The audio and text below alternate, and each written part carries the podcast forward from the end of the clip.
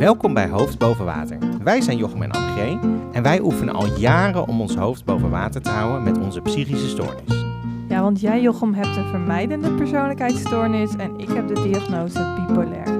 We duiken iedere aflevering met jullie de diepte in rondom een thema, delen onze verzuipen van de week en we gooien nog een lifeline uit. Ik heb mijn pillen genomen. En ik ben uit mijn bed gekomen.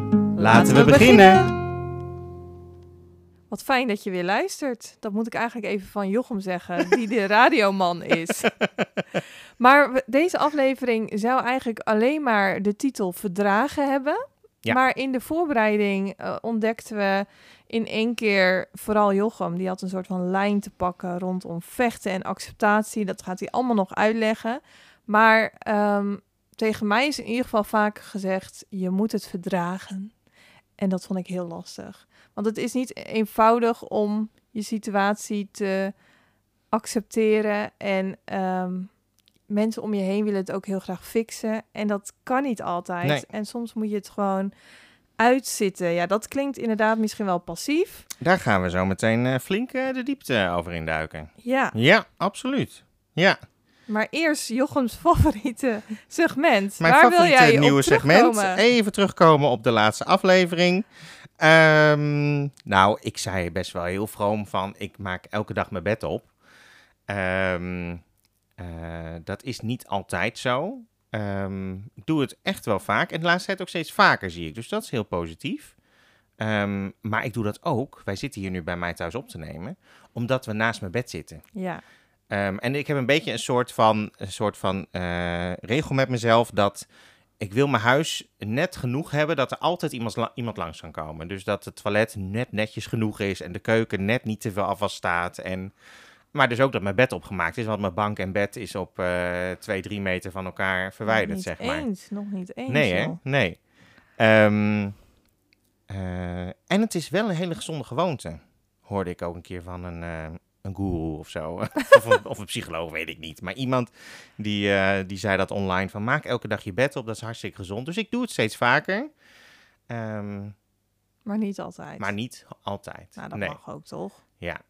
Hey, wilde jij nog op iets terugkomen, Annegeen? Nou, ik vond dat wij een beetje te veel reclame maakten voor onszelf. En dat we een beetje te hoog van de toren blazen. En dat we even iets minder moeten zeggen. Joh, volg ons op Insta. eh, geef ons sterren. Alsof we al heel, heel groot zijn of zo. Dat willen we misschien. Ja, maar doe je, doe je dat niet juist omdat je groter wil worden, dacht ik. Ja, maar dat vind ik dan toch ook wel een verlangen wat weer heel ehm, een soort van egoïstisch is Ja. of zo. Of dat ijdeltuiterij geneuzel. Ja, ik hoef ook niet per se heel veel groter te worden. We hebben nu gemiddeld ongeveer 100 luisteraars. Ja. Dus superleuk dat je weer luistert. maar ehm, ik vind dat eigenlijk wel prima voor nu, voorlopig. In de fase waar we nu in zitten. Maar ja, Nou, we wilden gewoon niet alleen maar dat onze omgeving ernaar zou luisteren, maar juist ook mensen treffen die iets soortgelijks meemaken. Of... ja. Mag ik dan nu wel even die oproep doen? Nee, Nee? nee, Oké. bewaar hem, ja? Ja, ik bewaar hem. Misschien aan het eind. Nee, ook, Ook niet. Oké, wij gaan lekker eh, de hoofdvraag stellen. Hoe zit jij daar eigenlijk bij, Annegee? In welke kleur zit je nu? Nou, ik zit in eh, lichtgroen nog steeds. En ehm, ik vond het ook wel lastig, want het is niet zo lang geleden dat we elkaar gesproken hebben. Maar van, heb ik dan ook echt een verzuiper? En toen zei ik tegen ja, nou, dat heb ik niet. Maar ik, Maar Eh. even tussendoor, je zit gewoon le- je zit lekker in groen. ja, Ja. Ja. Fijn. Ik had gisteren weer zo'n me-time dag. Oh, wat heerlijk weer. Ja. Ik had wel Ja. een reuze koppijn de hele dag. Wat Wat? ik ook slikte, het ging niet weg. Want een van jouw kinderen was niet zo lekker van de week, hè? Nee, klopt. Dat is goed gekomen dus. Nou, ik ga zo meteen naar de snotdokter. De snotdokter? En die gaat het even beoordelen, want er komt wel echt allemaal bloed en smurrie Oh, uit het oor. Ja. De snotdokter is de KNO-arts? Ja, Vind ik een hele leuke term. Ik geef het naar de snotdokter. ja. Ik weet het niet of de snotdokter weet dat ik haar zo noem. Misschien moet je dat straks even vragen aan de beste, beste mevrouw de KNO-arts. Vindt u het oké dat... Nou, er zullen vast wel meer mensen... eh. Mijn moeder heeft een keer eh, tegen de KNO-arts dominee gezegd. Want? Ja, eh, dat ze een soort van reageerde, ja dominee. En dat ze dacht, oh, wat heb ik gezegd? Het is helemaal geen dominee. Hij had heel erg een domineehoofd. Ja, misschien wel. Een beetje dat formele of zo. Oh, wat grappig. Nou ja, dat is dan toch weer hartstikke goed. Ehm, Welke kleur zit jij dan? Ja, best wel eh, oranje hoor. Ja, ja. Ik wilde jou vanochtend erg graag, graag afzeggen. Dus nu zit ik in groen, want ik heb jou niet afgezegd. En we zitten lekker op te nemen. En de voorbereiding net was ook, eh, was ook goed. Of de, de laatste voorbereiding eigenlijk.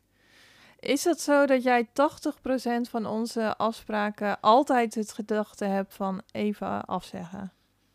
Nee, ik had hem de laatste keer helemaal niet.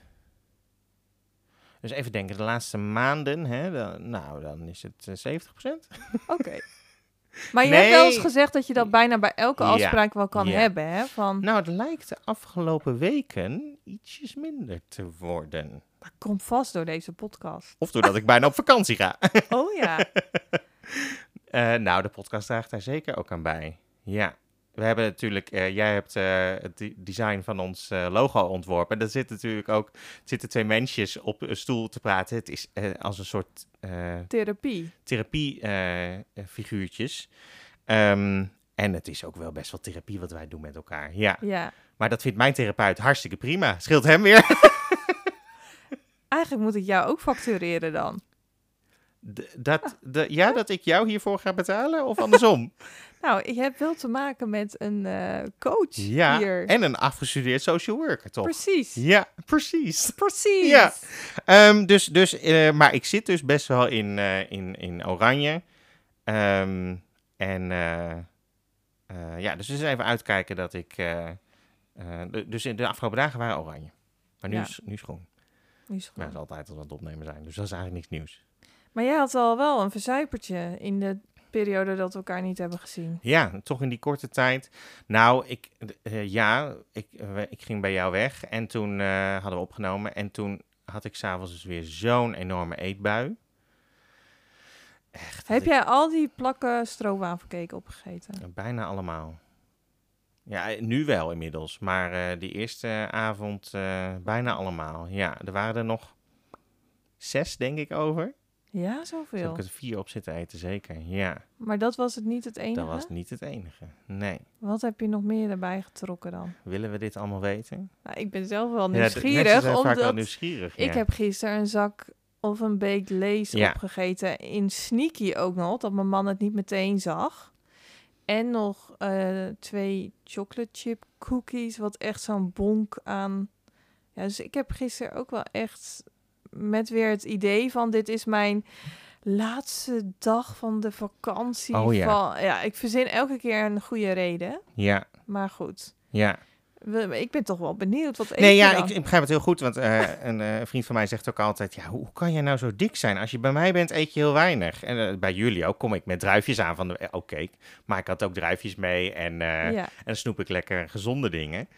Ehm, ik vind dat moeilijk. Het is alweer een paar dagen geleden. Dus dan vind ik het moeilijk om dat terug te halen. Maar het was die cake... Het waren crackers met eh leverpastei had ik weer eens eh, gekocht. Van die ordinaire blikjes leverworst. Dus crackers daarmee. Oh nee, brood echt daarmee. Ik heb echt volgens mij zes boterhammen nog zitten eten met beleg. Dik beleg. Vet beleg. Ja, dus dat valt dan ook altijd heel slecht. Dan zit ik s'nachts nog op de pot. En, eh, met de tv aan. Dat was wel leuk. Eh, we zijn er bijna eens weer terug. Wat is dat dan? Het programma op, eh, op Max van... eh, Je bent een Max-kijker. Wel een beetje, ja, heel land bakt en eh, eh, eh, Bed and Breakfast, dat programma. En, eh, en we zijn er bijna, is zo leuk over, gaat het allemaal senioren die op vakantie gaan. Dat vind jij leuk. De Echt- tv-tip van vandaag. dit mag ik niet doen van jou, maar ik vind het zelf dus heel erg grappig. En jij wist zeker dat iemand dit ook heel grappig zou vinden. Ik hoop dat. Ja, dus ben je team Jochem eh, Belletje? Nee, geen reclame, geen Oh ja. reclame. Oh ja, ja. Maar ehm, we wijden een beetje uit. Ehm, nee, dus, dus ik heb veel te veel gegeten. En, eh, en, en laatst was het een keer zelfs zo erg. Dat is alweer een tijdje terug. Toen had ik s'avonds waarschijnlijk zo vet gegeten en s ochtends redelijk vroeg eruit. Toen heb ik gespuugd onder de douche. Dat was echt...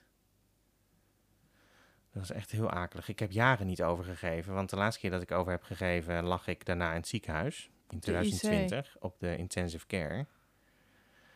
Eh, dus ik was ook een beetje bang van, oh, eh, ik wil niet, ik wil, als ik ga overgeven, dan gaat dat weer mis of zo. Dus dat was er gelukkig niet. Toen ik had gespuugd, was het ook echt allemaal eruit en eh luchtte het enorm op. Ehm, maar dat is wel extreem, ja. Het is wel echt een signaal van jouw lichaam van, eh ho Ja. even, Jochem. Ja, en dat is natuurlijk ook omdat ik geen galblaas meer heb. Nadat ik ziek ben geweest, is die eruit geha- uitgehaald. Dus ik kan gewoon veel slechter vet verdragen. En, en met suiker moet ik ook heel... Ik moet gewoon heel erg uitkijken. Maar als ik dat dus niet doe, want in de vermijding denk ik... het maakt allemaal niet meer uit, ik ga toch dood. Kan mij het schelen. eh, ik help mezelf naar de vernieling. Ehm, ja, dan, eh, dan, dan ben ik een beetje lost. Dus dat ehm, is echt een onderwerp, mijn gezondheid. Maar ik merk ook nu, ja, wat we hebben gedeeld in de aflevering eh, op je gezondheid. ehm eraan beginnen is gewoon zo'n enorme klus. Dus ik begin, mijn ochtendritueel zit zelfs gewoon fruit standaard in. Dan begin ik de dag met fruit. Maar dan doorpakken. En als je s'avonds moe bent en je bent er klaar mee, ja, dan nog eh, die gezonde keuzes maken als je op de, op de bank zit lekker voor de tv. Ja. Ik neem het weer mee naar mijn therapeut. Doe dat. Had jij nog een verzuiper toevallig, Annegee? Nou, die had ik niet, maar ik dacht wel van... eh, nou, jij hebt een keer gezegd, jij moet ook eens gaan huilen. Maar ik zit natuurlijk aan de pillen. Ik ben best wel... ehm, ik ben van nature wel een emotioneel mens, maar ik kan er niet altijd bij. En ik, als je uit de depressie bent, dan eh, kan je bijna niet meer voelen hoe het was toen je erin zat. Hm. Totdat ik een ehm, column van mezelf tegenkwam, die ik ooit naar een platform had gestuurd. Ehm, Waar had je dat naar gestuurd trouwens? Power to the Mama's. Oké, ja. Van, eh, het was moederdag. En mijn moederdag was eigenlijk een zwarte moederdag. En daar had ik iets over geschreven. Maar die las ik dus. En ik ga een fragmenten uit voorlezen. En toen dacht ik, oh ja, zo voelde ik me. Dat was ik dus gewoon alweer helemaal kwijt. Ja, vertel. Ik ben, eh, ben heel benieuwd. Ja, ik lees hem voor. En ik ga niet te snel voorlezen, oké? Moederdag begon met heel veel tranen en sombere gedachten. Net als de avond ervoor. Ik begon in alle paniek ook weer te schreeuwen. Waarom, God? Ik wil dit niet. Ik kan dit niet. Haal me hier uit. Wat moet ik doen? Ik wil dolgraag genieten van uw goedheid en schuilen bij u. Maar hoe doe ik dat als alles om me heen zo zwart is en zwaar? Ik spreek mijn vertrouwen uit in u, maar ik voel alleen maar angst en somberheid. Wat doe ik mijn gezin aan? Dit is zo niet hoe ik het mij had voorgesteld. Ik ben zo bang dat dit niet meer overgaat. Ik voel mij zo verantwoordelijk om weer uit deze put te klimmen.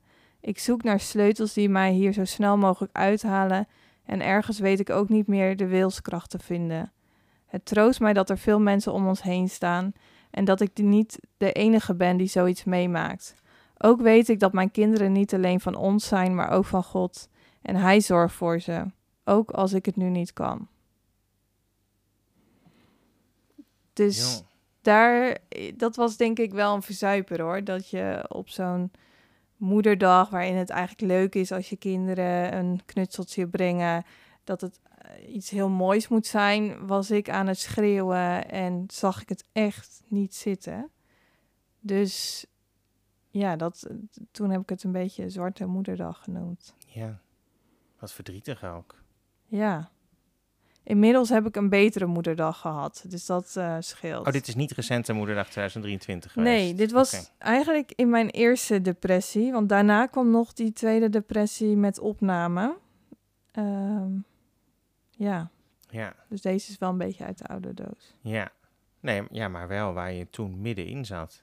Ja, en vooral dat je ook geen kleur meer ziet. Dus alles is Mm. gewoon zwart. Ja. Ja. Jo. En hoe kijk je daar nu op terug? Als je, hoe, hoe voelt het als je hem nu terugleest? Die enorme zwartheid van toen.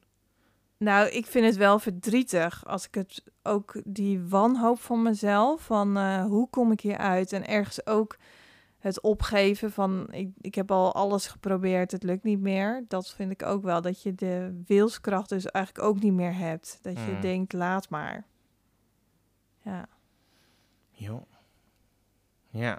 Nou, eh, dank voor het delen. En eh, ik zou er eigenlijk nog langer op door willen gaan. Maar we willen ook de diepte gaan induiken. Klopt. rondom eh, verdragen. Ja, Nou, hoe doe je dat in zo'n geval? Hè? klopt. Ehm, eh, dat was een beetje mijn initiatief, hè, dat hele onderwerp. Omdat ik Ja. zei van, joh, als je er eh, in zit, kreeg ik dus heel erg te horen van mensen van, nou vooral van hulpverleners binnen de GGZ, van ja, je zult dit moeten verdragen. En ik denk dat ze bij mij echt zagen dat ik het, nou ja, eh, misschien wel dat vechten zoals jij dat benoemde, maar ik dacht, dit wil ik niet, ik moet hier uitkomen. Ehm, en dat je dus eigenlijk een soort van moet verdragen. Dat, ja, dat is, dat wilde ik echt niet. Want hoe, hoe bedoelde zij dat dan? Nou, ik denk dat zij mij heel hard zagen werken en dat had geen zin. En dat ze meer een stukje, nou, toch misschien wel acceptatie en berusting van, ja, dit is het lijden waar ik nu mee te dealen heb. En dat is niet, ehm, net, eh, ik denk als je partner overlijdt, je kunt hem niet terughalen. En als je in een depressie zit, je kunt niet van de een op andere dag daar zomaar uit zijn. Mits er misschien een wonder plaatsvindt. Maar eh, je, je bent niet van de een op andere dag genezen. Of in mijn geval ehm, moet ik zelfs accepteren dat ik psychisch kwetsbaar ben. En dat het dus ook niet zo kan zijn. Dat had ik toen ik wegging bij de opnamekliniek. Toen dacht ik heel erg van... Het liefst wil ik zeggen, ik kom hier nooit meer terug. Maar ik wist ook wel dat die garantie er niet was. Ik zou willen dat ik er nooit meer kwam. Maar ik heb daar geen controle over. En dus eh, raden mensen je dan aan, ga het maar verdragen. Ja. Want jij was dus enorm eigenlijk in de vechtersmodus, hè? Ja, Ja. klopt. Ja, want voor mij voelt een beetje, ehm, voor, voor, voor mij hangt verdragen best wel wat samen met accepteren. Alhoewel ik net ook tegen, eh, in de voorbereiding met jou zei, voor, voor- verdragen voelt voor mij wat passief. En acceptatie zal ik later wat over delen, voelt voor mij als een hele actieve houding. Ehm, eh, maar vechten, dat is echt het niet, er niet mee kunnen en willen dealen. Dus, dus, dus, maar daar, daar heb ik jou vaker over gehoord, ook in de, de, de, de, de laatste aflevering over... eh, oh nee, dat was een gesprek buiten de podcast om. dat je deelde over eh, eh, oh, harder bidden, vechten, vechten, vechten. Ik moet hier uitkomen. Ja, ik was niet inderdaad het beeld wat er soms bij depressie kan ontstaan, dat je in je bed ligt en er niet uitkomt en alles is zwaar. Ja, Dat was aan mij echt niet te zien. Ik was gewoon wel ehm, uit mijn bed. Ik deed dingen, ehm, maar ik voelde me zo gruwelijk ellendig. Alleen, het was dus niet heel... Ik had niet een hele passieve houding of zo. nee, Maar ik was wel helemaal op. ja. Maar je hebt het ook overal in gezocht, toch? In gebed, in, eh, in eh, je eten heb je... Pillen, Ja, Ja, en zeker, kijk, zo'n opname is ook het laatste redmiddel. Maar ook daarvan hoop je, nou ja, dit moet het. Dit vind ik het gruwelijks. Maar als dit, als dit het is wat ik moet doen, dan ga ik het doen. ja. Nou ja, dat pakt er anders uit. Dat wordt de volgende aflevering. Opgesloten. Opgesloten. Een hele eh, Ja. interessante aflevering ook weer. Ja. Ja, maar vertel jij eens wat over jouw vechten dan. Want daar voelde jij wel veel bij, toch? Ja, ik voel veel bij vechten, omdat ik... ehm, nou, ik voel eigenlijk eh, heel veel nu bij accepteren. Daar, daar wil ik naartoe werken straks, richting het eind. Ehm, ehm, ik, eh, bij vechten voel ik twee dingen heel erg. Ehm, ik ben het meest ongelukkig in mijn leven geweest op het moment dat ik niet gay mocht zijn van mezelf. Dat ik aan het vechten was om in dat hetero-hokje te, te zitten. Ehm, en ehm, dat, dat zijn de momenten geweest dat ik het meest eh, weg ben geweest van mezelf.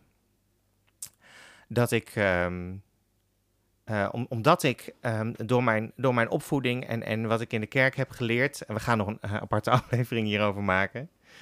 Ehm, eh, maar omdat ik geloofde van ik moet hetero zijn, ik heb dat ook heel lang gezegd, was ik daar zo hard voor aan het vechten dat ik de echte Jochem, namelijk de, de, de, de, de gay, die ook op mannen valt, ehm, die heb ik zo ontkend dat de uiting daarvan was dat ik ehm, juist ging zoeken naar liefdeloze seks met mannen.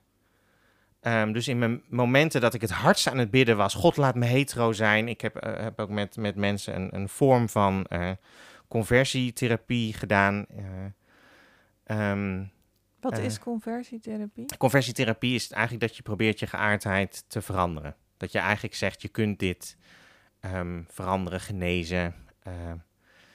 ja, en dat is ongelooflijk heftig geweest. Er zaten hele goede dingen ook wel in. Ehm, maar dat was zo keihard vechten. Te eigenlijk, was je, eigenlijk ben je een deel van jezelf eruit aan het duwen. Ehm, wat eigenlijk maakte dat ik met wat, wat ik dan moest zijn, helemaal niet kon en wilde leven. Ehm, ja, dat was verschrikkelijk.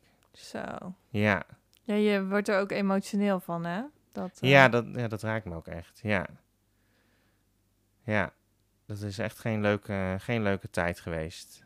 Ehm, en bij vechten, dat is het tweede punt wat ik heel erg voel bij vechten, is dat ik eh, met name vanuit mijn omgeving de- in de afgelopen tien jaar heel erg, erg heb gehoord. Je hebt gewoon een schop onder je hol nodig.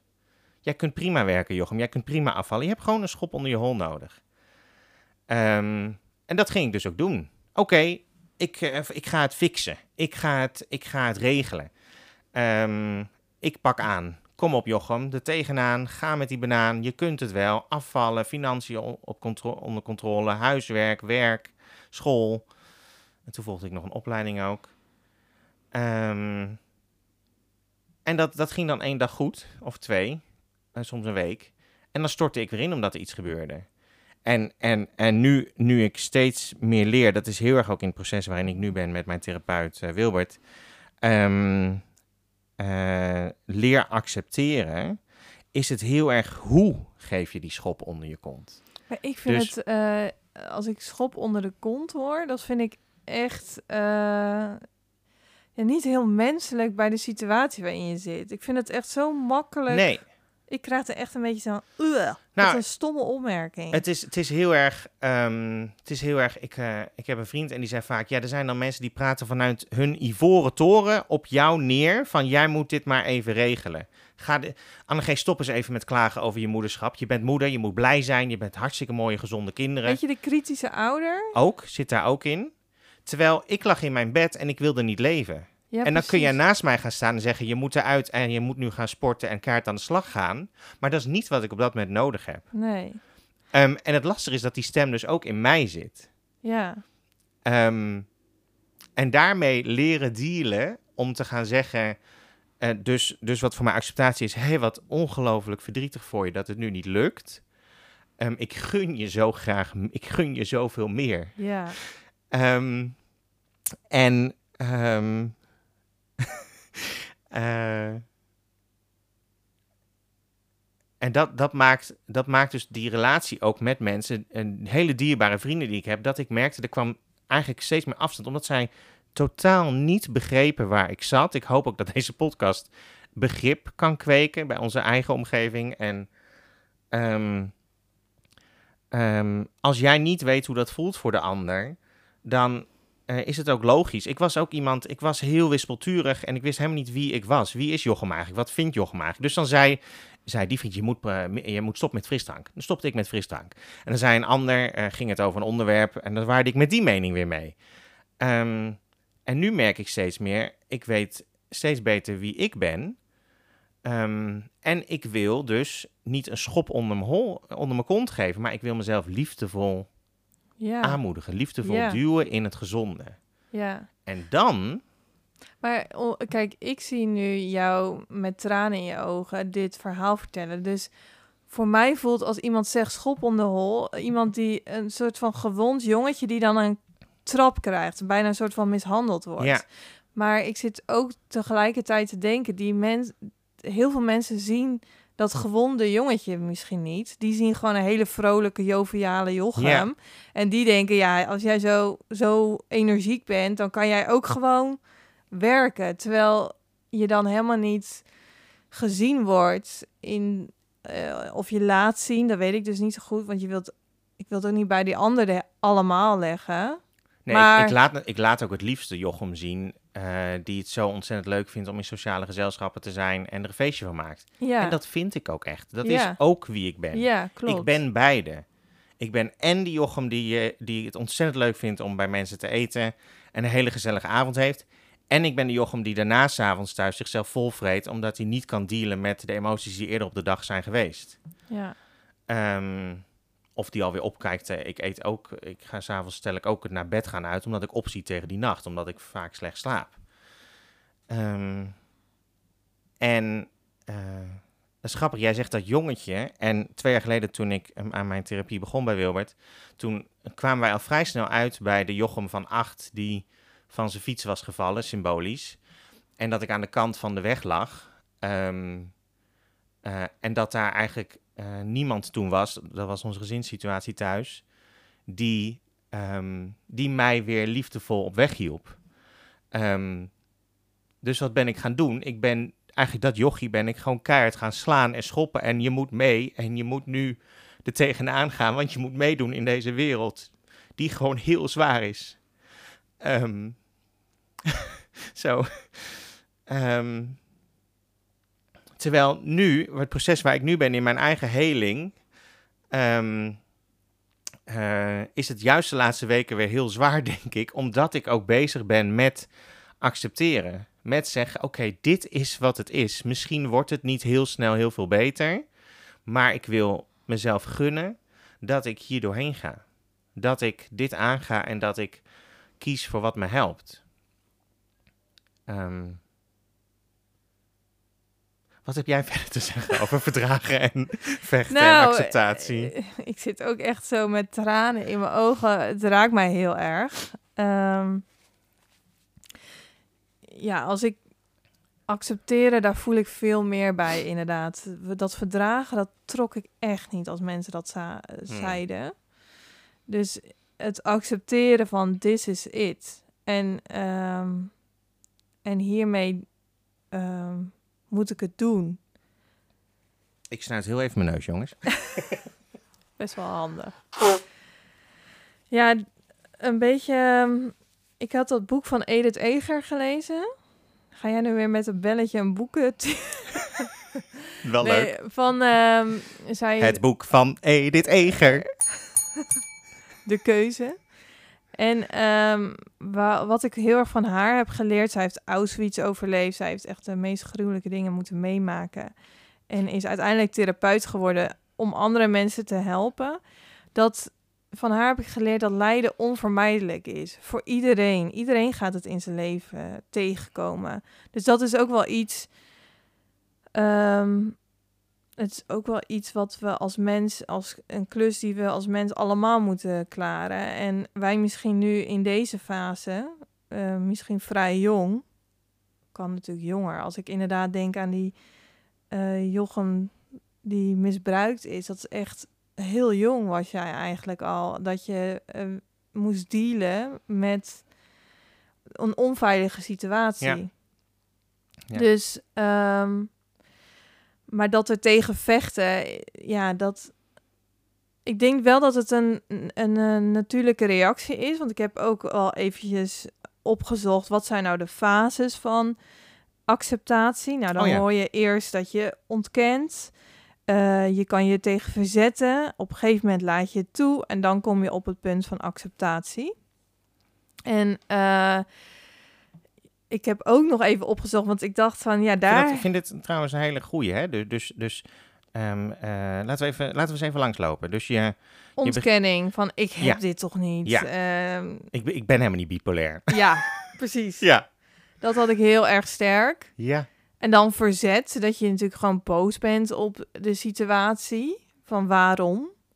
Ja. En je er, ja, daar eigenlijk... Ik heb heel lang ook gezegd, want ik, er kwam dan... Ik ben naar de bipolaire stoornissen, poli, gegaan. Voor een second opinion, want ik was het er echt niet mee eens. Dat is waar trouwens. ja. Ja. dus ook wel daarin van, ja, jullie kunnen het zeggen, maar het is echt niet zo. En Over ontkenning gesproken, Annegee. nou, en die psychiater zei nog tegen mij van, nou, oké, ehm, als het helpt, om het nog niet zo te zeggen, maar we zeggen gewoon van, hey, dit hebben we gezien. Je hebt een dip gehad, je hebt een up gehad en je hebt een dip gehad. En dan zal de toekomst blijken hoe het verder gaat. Dus die durft het niet helemaal zo te zeggen. Je hebt die diagnose, maar wel van ja, eigenlijk zien we het gewoon. Ja. En Was dat ook dat ze het bij jou een werkdiagnose noemden? ja, nou ja, inderdaad. Toen eh, ben ik dat zo gaan zien. En in eh, maart heeft mijn nieuwe psychiater gezegd: joh, zullen we het gewoon zo noemen? Je hebt het, deal with it. Ja, en ik denk dat ik nu het meest ontvankelijk daarvoor ben. Al schiet ik soms gewoon weer even terug van...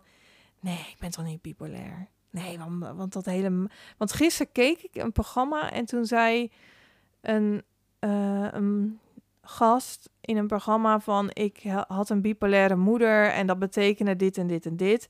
Nou, dat was zo heftig gedrag van die moeder dat ik dacht... Ja, maar dat doe ik echt niet bij mijn kinderen. Ik zeg niet tegen hun dat ze... Ik beschuldig hun niet van dingen dus dat gedrag heb ik niet. Dus ik ben toch niet bipolair? Want ik wilde eigenlijk niet met haar, met die moeder vergeleken worden eigenlijk. Dus dan merk je ook, en dat schijnt ook bij de fases van herstel te zijn, dat je fluctueert gewoon van het een naar het ander. Ja. Dus ehm, dat, het is niet één rechte lijn in zo'n proces. Je, je gaat van de ene fase naar de andere. Ja. Dus na die ontkenning komt dan dus de, eh, het verzet. het verzet. Dus, dus eh, dat eh, zat dan bij jou bijvoorbeeld in dat je... eh, het- second opinions ging second aanvragen. opinion, dat was ook ontkenning, maar dus ook de tegenvecht. Ik heb dit niet, het, Ja. ik wil het niet hebben. Ja, jullie dan- zien het verkeerd. Ja, en dan de derde fase. emotie toelaten. Dus ehm, nou ja, daar hoort ook wel bij dat je je zorgen maakt over de toekomst. En dat je niet alles kan doen zoals je het zelf zou willen. Dat je dat er allemaal laat zijn. Ehm, en dan komt het proces van acceptatie, eh, berusting, een gezonde manier vinden om met je ziekte om te gaan. En heb je minder last van gevoelens van boosheid en kijk je vooruit, eh, ja, durf je weer vooruit te kijken. Hm. Dat hoort denk ik ook wel bij acceptatie. Maar eh, herken jij het verzet? Waarin heb jij dat verzet gekend? Nou, jazeker. Ik heb in 2020 in het voorjaar gehoord dat ik een eh, vermijdende persoonlijkheidsstoornis heb. en een afhankelijke persoonlijkheidsstoornis. Ehm, en dat heb ik ehm, eh, 2022 pas echt omarmd. Ja. Ja. Ja, iemand zei, dat heb je gewoon vermeden. dat heb je gewoon... Bij eh, jou staat in jouw eh, plan eh, van acceptatie gewoon vermijden. Ja, ja, dat is Verzet absoluut. of ja. Ja, nou, nou, vermijden is eigenlijk een vorm van verzet. Want je, je, je wil er niet mee dealen, of je kunt er niet mee dealen. Dat is eigenlijk een combi van. En, en dan ga ik dus er maar niet, het niet in de ogen kijken. Als ik maar En je doe hebt alsof het er niet is. die fight, flight, freeze. Dat, dat Ja. eh, vechten, vluchten of bevriezen. En bij jou is het dan vluchten in of eten of seks. Ja. Of, ja, en dat zou misschien ook wel het woord verdoven of zo bij kunnen zijn. Ja, absolute vorm van... eh, is, is verdoving gebruiken om te vermijden en te vluchten. Ja. Ja, en, en die acceptatie, ik merk dat dat, dat, dat vrij Ehm, ik luisterde een podcast, daar komt hij weer. De podcasttip van vandaag is eh, eh, de, podcast, eh, de podcast Psycholoog.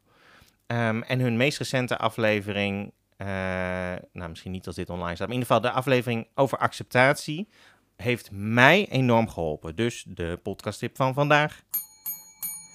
Ehm want eh, daarin eh, zei een, eh, ik weet niet of het psycholoog of psychiater was, die zei heel erg, acceptatie is zowel voor jezelf als voor je omgeving heel erg lastig, maar het zit hem heel erg in, eigenlijk even, oké, je staat in de file, je kunt er niks aan doen.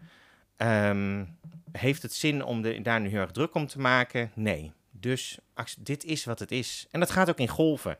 Ik had een heel leuk voorbeeld. Eh, ik, eh, ik, ik ging naar mijn ouders en het regende en ik was lopend. En, ehm, eh, en ik merkte echt in golven. Dus er was één moment, weet je, ik ga zonder paraplu, ik red het prima. Daarna, shit, wat is, het regent echt hard. en, en, en, oh, waarom word ik zo nat? Bah. Oké, ik word nat, deal with it. Je hebt nu gelukkig een paraplu. En op een gegeven moment was het zelfs, ik heb natte sokken. maar daar, da- daarna was, dat was eigenlijk meer lachen om de situatie. Dat is dus, volgens mij zit je dan ook in die acceptatie. Oké, dit is wat het is. Ja, Ehm, en maar dat gaat dus echt in golven. Dat verdwijnt weer even dat je het niet kunt accepteren. En dat je denkt, shit, het, waarom stopt het nu even niet met regenen? Of waarom moet ik nog zo'n stuk? Ehm, dus wat mij betreft heeft mij ontzettend geholpen in de fase waar ik nu in ben. Om die podcast te luisteren. Ik heb hem ook even geluisterd. En jij zei ook, dat brengt zij dan naar voren, die zucht. Ja. Kun jij dat nog even uitleggen? Ja. Nou, acceptatie zit hem ook heel erg in dat je dus, eh, er gebeurt iets verschrikkelijks. Het gaat ook om de meest verschrikkelijke dingen, hè. Ehm, eh, maar dat is ook echt van, ah, wat kut, hè. Dat zeggen naar jezelf en ook naar de ander. Dat je Ja. naast iemand gaat zitten en, En het niet willen fixen. Want die neiging hebben we met z'n allen volgens ja, mij. maar, want als iemand een kind heeft verloren, dat kun je niet fixen. Nee, Dat kind krijg je niet meer terug. nee, je kunt Dat is het meest verschrikkelijke wat er is. En ik heb, dat, ik, heb dat, ik heb zelf nog geen mensen van dichtbij verloren, behalve mijn oma's. Ehm, dus ik weet niet hoe dat voelt. Dus ik kan daar misschien wat laconiek over praten. En zo bedoel ik dat helemaal niet. Ehm, ehm, en dat, in dat soort gevallen is acceptatie het allermoeilijkst. Je bent, oh, je bent superleuk getrouwd, je huwelijk is naar de kloten. Oh, je, je wordt ontslagen uit de baan waar je echt het naar je zin had. Oh, eh, je, je, je huis moet je gedwongen verkopen. Dat zijn verschrikkelijke dingen. Ehm, eh, maar da- dat ik het leven niet zie zitten omdat ik het even zwaar heb met mezelf, is ook heel verschrikkelijk. Ja, Er is daar niet een soort gradatie in van, oh, dit is erger wat jij meemaakt, want jij bent je kind verloren en ik heb het zwaar omdat ik eh, financieel heel krap zit. nee. Nee, dat is niet zo. Dat zei de Edith Eger ook. Lijden is gewoon niet met elkaar te vergelijken. Ja. Ja, Het een is niet erger dan het ander. Ja. Je weet niet hoe, wat voor impact het heeft bij iemand. Ja, dus probeer te gaan naar, naar met name ook de ander. Dus we gaan stiekem al een klein beetje beginnen aan De, de lifeline. Ehm, ook met name bij die ander, laat het er zijn. En, en zowel in die eh, podcastaflevering die ik had geluisterd, als in wat ik bespreek met mijn therapeut, is dat we heel vaak niet goed kunnen dealen met het lijden van de ander. Ehm, en dat we daarom zeggen, nee, je moet dat gewoon even oplossen. Je moet Ja. dat even, vooral dat stuk- woordje gewoon ook, daar heb ik tegenwoordig echt een bloedhekel aan als iemand zegt, nee, maar je kunt toch gewoon sporten? Nou, voor mij is dat niet gewoon, want daar hangt heel veel omheen Ja. waarom ik dat heel ingewikkeld vind.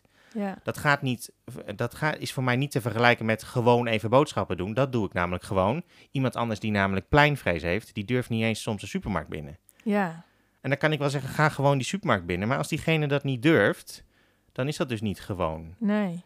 En, en durf ik dan uit mijn positie eigenlijk eh, van ik, ik snap wel dat jij dit even moet fixen, durf ik dan daar afstand van te nemen en kwetsbaar te zijn en te zeggen, poeh, wat lastig voor jou zeg. Wat verdrietig. En dan te zwijgen. Of helemaal niks te zeggen en het aan te horen. Gewoon eens een keer je grote mond en je mening houden. Ik merk, echt, ik merk echt dat ik in een fase ben gekomen in mijn omgeving. Dat ik eh, van binnen in ieder geval steeds meer zeg: joh, rot jij anders even lekker op met je advies. Ehm, ik weet het eigenlijk punt 1 heel goed zelf. En punt 2, doe het maar even. Ja. Ga maar eens in iemands schoenen staan. Daar sluit mijn lifeline een beetje op aan. Ik had opgeschreven van wees eerlijk. Dus als iemand tegen jou zegt, ik weet dat ik het bijvoorbeeld lastig vond dat een hulpverlener die kwam bij mij thuis terwijl het heel erg was en die sloot het gesprek af. Nou, geniet van het weekend en we spreken elkaar maandag. En toen dacht ik, ik zit hier al de hele tijd in zak en as te vertellen dat ik geen levensvreugde meer kan ervaren. Hoe kan je dan zeggen Geniet van het weekend. ja. Of eh, wat ook een hulpverlener tegen mij zei was... eh, nou, maar ik ben wel heel blij dat eh, de opnameplek waar je hebt gezeten... dat dat bestaat. Oh, en dan ja. denk je... En, maar wat ik heb geleerd is dat ik dus eerlijk ben... en de keer erop tegen haar zei van... ik merkte dat ik het heel lastig vond dat je dat zei... want voor mij is dat wel een gruwelijke plek... En als jij dan vooral gaat noemen dat het zo fijn is voor mensen, dan voel ik mij ik denk één, heb je er zelf al wel eens gezeten? Ja, je bent als bezoeker geweest, maar hoe is het om... En dat gewoon eerlijk te benoemen, ook hè, als zo'n hulpverlener zegt, geniet ervan. Ja, niet iedereen is daar ontvankelijk voor, maar het is soms wel goed om terug te geven, zodat een ander daar wat mee kan. Dus dat jij in je hoofd denkt van, fuck off, eh, Ja, eigenlijk moet je zo zeggen van, oh, wat je nu zegt, dat vind ik eigenlijk best wel lastig, want gewoon is voor mij niet gewoon. ik, ben- ik, ben, ik ben daar dus mee aan het oefenen. Dat is, Ja. be- dat is een enorme uitdaging. Ja, Nou, dat is, is, het is tegelijkertijd ook gewoon een lifeline voor onszelf, toch? ja. Maar inderdaad, dat mensen ook kunnen zeggen, ja, ja. Oh, maar je, oh, het is gelukkig wel de bijstand. Wat fijn voor je dat dat Ja. is.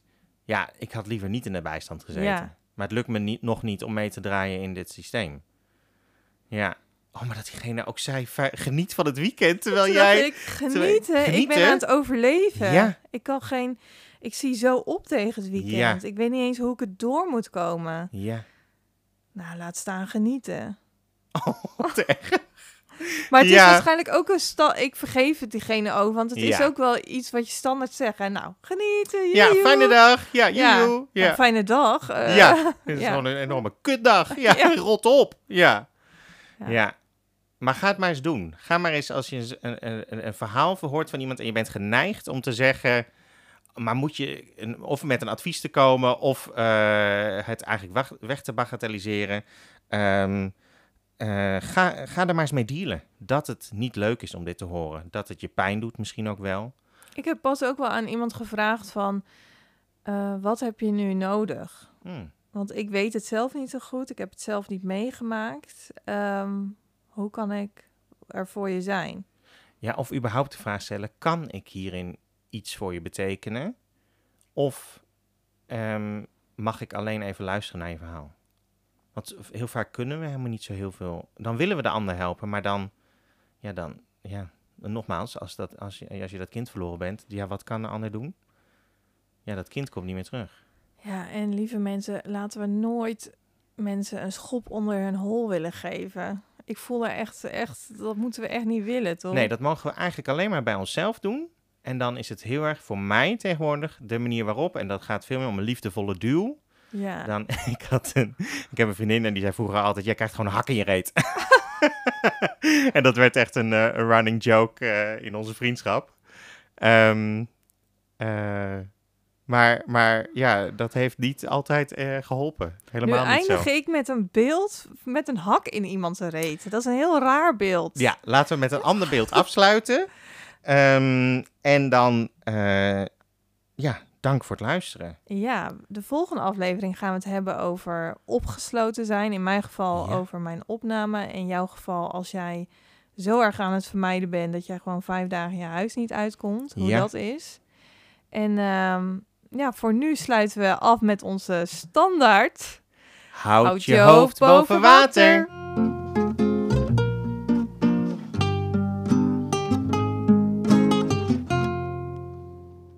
Ja, hij staat erop.